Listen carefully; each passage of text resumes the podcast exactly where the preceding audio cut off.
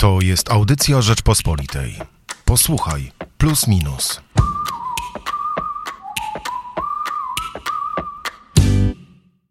Możliwe, że był to jeden z najdłuższych seriali polityczno-społecznych w dziejach współczesnej Europy.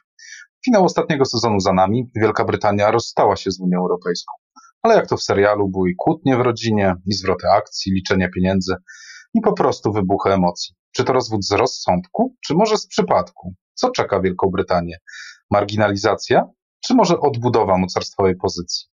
O tym postanowiliśmy zrobić temat przewodni najbliższego plusa minusa.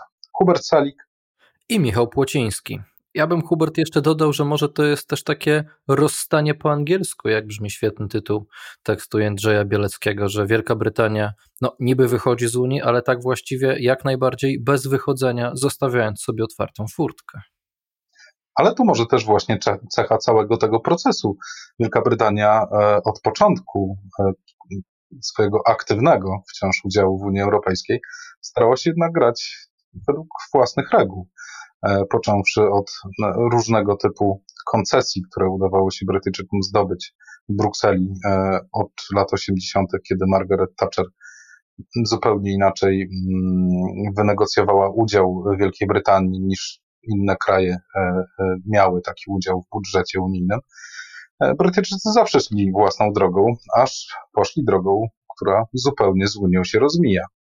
Chyba dobrze, że przypominamy cały ten serial, jak to ładnie e, metaforycznie e, nazwałeś, że nawet u Jędrzeja Bieleckiego w najnowszym magazynie Plus Minus jest takie kalendarium, które rozpoczyna się e, od tego, jak akcesja Wielkiej Brytanii do EWG została w latach 60. zablokowana jeszcze przez prezydenta Francji de Gaulle'a i że pokazujemy, jak cała ta współpraca, która często była także konkurencją ciągle, mimo że Wielka Brytania w tej Unii e, była, e, wyglądała, bo warto przyjrzeć się przeszłości, by móc wyciągnąć jakieś wnioski na przyszłość, by zastanowić się, jakie są perspektywy e, Wielkiej Bryt- Brytanii, a przez to też możemy dojść do tego, jakie są perspektywy Unii Europejskiej przed sobą, prawda? Z naszego punktu widzenia to może nawet ważniejsze, między innymi dlatego, że mm, dużo Polaków w ciągu tych e, prawie już 17 lat, niedługo te lat minie, e, do mm, Wielkiej Brytanii wyemigrowało, co zresztą zdaniem zwolenników Brexitu e, było jednym z powodów, dla których warto było Wielką Brytanię z Unii wyprowadzić, ten napływ imigrantów. Co prawda, żadne dane tego nie potwierdzają, a, a, a druga strona, czyli mm, zwolennicy pozostania we wspólnocie, twierdzą nawet, że mm, to właśnie imigranci budowali tą e, gospodarczą mm, prosperity e, Wielkiej Brytanii. Zresztą ostatnie dane, które były dostępne, pokazywały, że ta migracja e, tuż przed Brexitem w 2019 roku była najwyższa w historii. E, czyli procesy wszczęte, trwające prawie 5 lat, procesy związane z wychodzeniem Wielkiej Brytanii z Unii Europejskiej, wcale tej migracji nie powstrzymały. Zobaczymy, jak będzie teraz. Ale wiesz, o Brexicie, o jego przyczynach, o tym, co tam dalej się, się, się, działo przez kolejne tygodnie, to e, pisały różne gazety, zastanawiali się nad tym różni eksperci, a mam wrażenie, że e, takim, taką przewagą E, takiej analizy, jakiej dokonał Jędrzej Bielecki, ale też Grzegorz Lewicki, bardzo dobrze rozumiejące procesy e, e, międzynarodowe w tekście i wreszcie stali się wolni, że przewagą tych tekstów jest jednak to, że pozwalają lepiej zrozumieć realia takiej międzynarodowej rozgrywki w erze, nazwijmy to, późnej globalizacji, że e, pokazują nie tylko, jak to się stało, że Wielka Brytania wychodziła z Unii Europejskiej, pokazują te teksty nie tylko to, jak zmieniała się sama Unia Europejska i dlaczego Brytyjczykom e, w tej Unii e, przestało, przestawało być wygodnie, ale szczególnie Grzegorz Lewicki. To wydaje mi się no, wielką zaletą tego tekstu, zachęcam Państwa do, do, do przeczytania go od deski do deski, pokazuje, jak bardzo skomplikowany jest świat tych relacji międzynarodowych, jak poszczególne kraje trochę po, po omacku, jak Tajwan, Australia, Kanada, próbują się w nim e, odnajdywać i jakie są perspektywy Brytyjczyków po wyjściu z Unii Europejskiej. Bez e, wyłącznie myślenia nad tym, że w Unii Europejskiej Brytyjczykom wcale nie było tak źle, że może źle zrobili, tylko pytanie, co teraz? I dzięki tej analizie, co teraz, e, i, i to też mówię jako mm, z wykształcenia politolog, jako człowiek, który ten świat i debatę o tym świecie pilnie obserwuje, dzięki Grzegorzowi Lewickiemu, mam wrażenie, że jeszcze lepiej zrozumiałem e, nie tylko ten slogan, że świat jest skomplikowany, ale na czym dokładnie e, ta, te komplikacje e, polegają. No to jest tekst, który naprawdę wnosi nową jakość do, do rozmyślań nad Brexitem. Mamy też wywiad z ambasador Wielkiej Brytanii Anną Cruz, który choć hmm, dyplomatyczny, trzeba to jasno powiedzieć, to jest język dyplomacji, nadaje pewien trzeci wymiar zrozumieniu tego, dlaczego Wielka Brytania z Unii Europejskiej wychodzi, jakie mogą być tego konsekwencje. E, I te trzy wymiary, o których, które bym chyba wymienił, czytając te trzy, trzy teksty, e, to e, z jednej strony wymiar, wymiar gospodarczo-ekonomiczny, z drugiej wymiar geopolityczny, a z trzeciej wymiar można powiedzieć społeczny, ale to trochę za szerokie, bo, bo to, co mnie uderzyło w wywiadzie z Anną Kluns, to przede wszystkim odwoływanie się do mm, elementów niewymiernych, czynników niewymiernych, takich jak godność, duma, a zwłaszcza podkreślana ciągle suwerenność. Nawet jeśli jest to język dyplomacji, e, taka postawa trochę pozwala zrozumieć e, motywację też w jakimś kontekście historycznym. W końcu Wielka Brytania niegdyś była wielkim imperium. E, teraz już takim wielkim imperium nie jest, ale wciąż istnieje Commonwealth i wciąż, przynajmniej teoretycznie, królowa brytyjska e, stoi na czele tego Commonwealthu. Więc z jednej strony mamy analizę geopolityczną z pięcioma różnymi scenariuszami wydarzeń, co się może dalej z Wielką Brytanią na tej arenie geopolitycznej, trochę gospodarczej zdarzyć, e, pióra Grzegorza Lewickiego. Z drugiej mamy historię tego, jak to się działo i co e, motywowało poszczególnymi stronami e, pióra Jędrzeja Bieleckiego. A z trzeciej mamy mimo wszystko pewną odpowiedź na to, co mogło się dziać w głowach Brytyjczyków w wywiadzie z ambasador Wielkiej Brytanii. No i oprócz e, Wielkiej Brytanii w najnowszym magazynie Plus Minus oczywiście dużo o Stanach Zjednoczonych, e, bo to też był ważny temat. E, wiadomo, Brexit dokonuje się w tym momencie. Wszyscy na ten Brexit czekaliśmy. No już nieważne, czy niektórzy czekali entuzjastycznie, czy inni, tak jak wielu Brytyjczyków, obawiających się utraty pracy, czy, czy jakichś dużych problemów z dostawami gospodarczymi, czy czekali z przerażeniem, ale e, wiedząc, że ten Brexit e, dokona się już tak w praktyce od 1 e, stycznia, no przyglądaliśmy, co dzieje się w Wielkiej Brytanii, a jednak wydarzyło się coś w Stanach Zjednoczonych, co myślę wielu zaskoczyło. Chociaż ja pamiętam, że nawet w podcastach Rzeczpospolitej rozmawialiśmy o E, jakie są perspektywy po wyborach e, w Stanach Zjednoczonych, co może się wydarzyć, jeśli Trump przegra.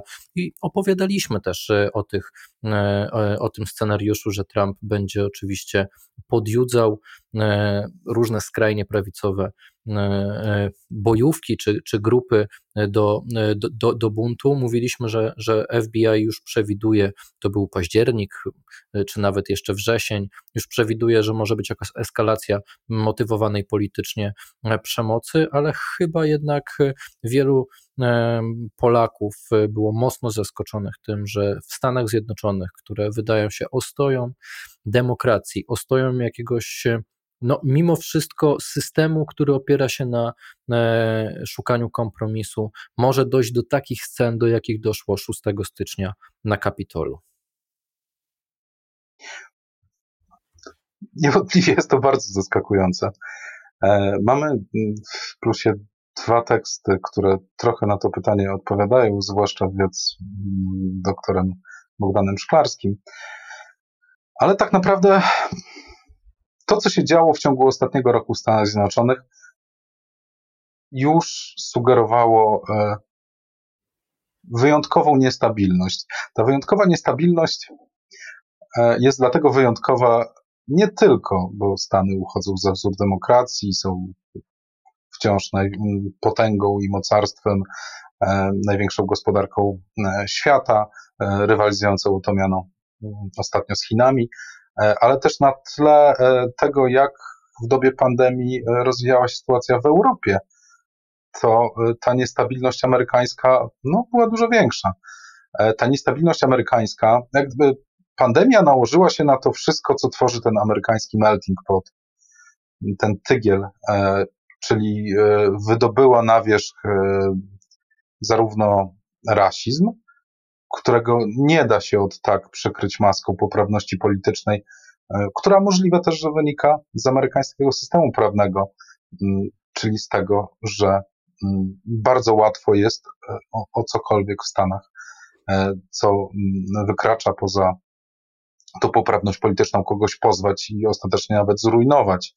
E, więc poprawność polityczna nie jest tam tylko stanem ostrożności spowodowanym, a może inaczej, nie jest tylko przekonaniem, że to słuszne, ale jest właśnie stanem ostrożności i obawą, E, e, że można e, popełnić błąd, który może bardzo wiele kosztować. To jest za mało, żeby uchronić społeczeństwo na poziomie takich działań czy zachowań międzyludzkich przed chociażby ksenofobią czy rasizmem.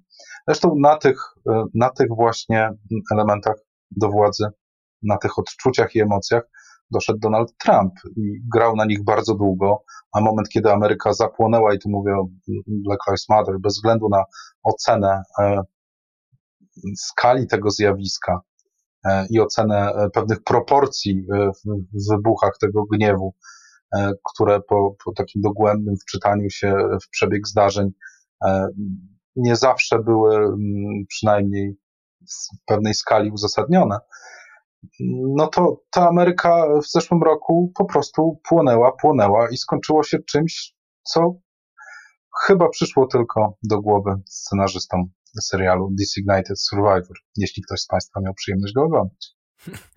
Wiesz, niby sprowokowały nas do poruszenia obu tematów konkretne wydarzenia. Brexit i to, co działo się na Kapitolu w Stanach Zjednoczonych, ale czy nie masz wątpliwości, że mimo wszystko to, co dzieje się w Wielkiej Brytanii, to co dzieje się w Stanach Zjednoczonych, to jest jeden temat.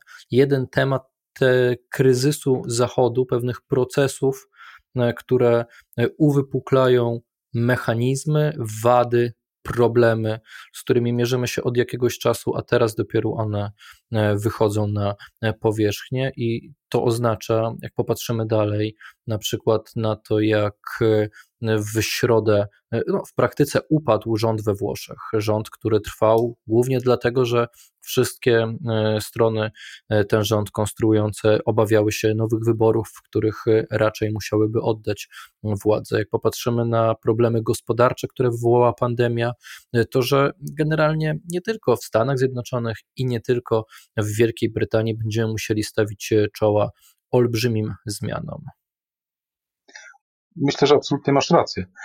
E, gdybym miał stawiać diagnozę, to ona już została postawiona i nie jest odkrywcza, ale mam przekonanie, że jest najbliższa prawdzie.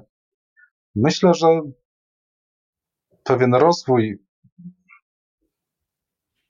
współczesnego świata zdominowany przez jednak przez e, kapitalizm, kapitalizm, w którym e, wszystko da się wycenić kiedy, kiedy wartości, zdarzenia i relacje, tak naprawdę ich waga zależy od tego, ile są warte y, w dolarach, w euro czy czymkolwiek, mm, znacząco, znacząco zmieniła e, relacje społeczne. Te, I to relacje społeczne zarówno na poziomie istnienia autorytetów, nieautorytetów, mierzenia tego, co jest sukcesem, co nie jest sukcesem, czyli takie relacje mikro, ale też takie relacje, w których y, tak naprawdę Stany Zjednoczone pędzące do przodu tworzące nowe technologie, często przyciągając utalentowanych ludzi z innych krajów dzięki temu, że mają pieniądze, e, rozwijały się według takiego motta, też cały świat według tego amerykańskiego motta, e, celu rozwija się od dłuższego czasu, czyli przyrostu PKB, czyli patrzenia na, na, na rozwój społeczeństwa przez pryzmat wartości ekonomicznych, bez patrzenia na to, co się kryje na poziomie tego, co się dzieje z, tym, z, tym, z tymi wartościami, a jakie są konsekwencje w ogóle e, pewnej monetyz monetyzacji relacji społecznych. E, to de facto prowadzi do teoretycznego wzrostu dobrobytu, ale tam na dole odbywają się, e, odbywa się jakaś dystrybucja, która, która przystaje, która wcale nie jest taka, że wszyscy z tego, z tego rozwoju czerpią. E, rodzi się gniew i bunt tych, którzy są w tym systemie wykluczonych, bo oni też już przejęli tą, tą wycenę e, wartości e, tylko i wyłącznie w pieniądzu. I my, wydaje mi się, że Stany Zjednoczone i dojście do władzy Donalda Trumpa, który przez ten pas rdzy doszedł do władzy, czyli ludzi, którzy stracili pracę przez outsourcing, przemysłowie, odpływ pracy do innych krajów, odpływ usług, nierówny rozkład tego dochodu jest bardzo podobny do tego, co się działo w Wielkiej Brytanii. Wielka Brytania największe kryzysy przychodziła w momentach, kiedy e, nagle e, pewne grupy były wyautowane, kiedy Margaret Thatcher przeprowadzała reformy i ci wszyscy górnicy e, i stalowcy, o których teraz możemy, o których historiach możemy czytać zarówno i obejrzeć dramaty, jak i komedie, a jednak były to bardziej dramaty czuli się wykluczeni. I to oni swoimi głosami doprowadzili do tego, że, że nie chcą być w pewnym systemie, którym, którego nie oni są beneficjentami. Oni to czują na własnej skórze. No i zobaczymy teraz, czy czeka nas korekta, czy czeka nas jednak absolutna e, rewolucja. To co? Coś jeszcze o najnowszym wydaniu Plusa Minusa? O najnowszym Plusie Minusie mamy też wiele innych ciekawych tekstów, nie tylko te amerykańskie. Ojciec Ludwik Wiśniewski mm, pisze o ogólnopolskim strajku kobiet, a mamy też wywiad ze zmarłym niedawno brytyjskim reżyserem Michaelem Aptedem, znanym Państwu pewnie z takich filmów jak Nell, Goryle we mgle. E, wywiad przeprowadzony parę lat temu, e, niepublikowany, bardzo interesujący. Zachęcamy Państwa do odwiedzenia strony www.rp.pl oraz najbliższych dobrych punktów sprzedaży prasy. Michał Płociński i Hubert Celik. Słuchaj więcej na stronie podcasty.rp.pl. Szukaj Rzeczpospolita Audycje w serwisach streamingowych.